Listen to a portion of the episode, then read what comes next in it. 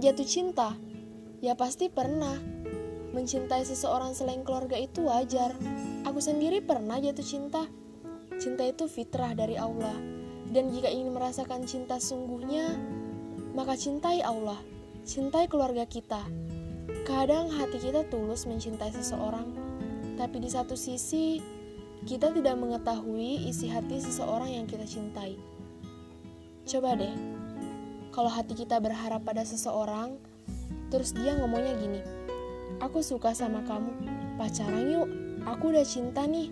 Please, jangan cuma karena omongan dia, perbuatan dia, kamu jadi kesemsem, berbunga-bunga.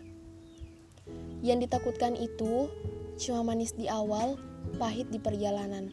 Dan kalau udah cinta, pasti akan melakukan segala cara buat pertahanin si dia.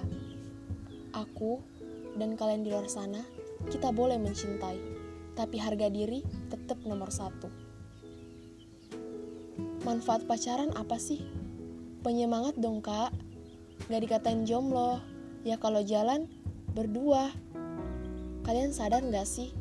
Itu hanyalah kesenangan sesaat. Kalau putus, siapa yang sakit? Ya kamu, galau, menangis. Itu karena kita benar-benar yakin dan percaya bahwa dialah jodohku, dialah masa depanku. Kalian tahu gak sih, itu sama aja kita mendahului rencana Allah.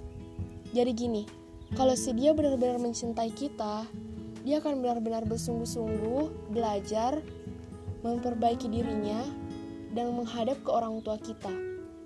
Itulah mencintai yang sebenarnya, bukan mengajak berbuat dosa.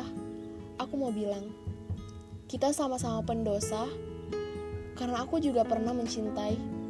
Kita yang jomblo, jangan takut, karena jodoh terbaik akan disiapkan jika kita mempersiapkan diri.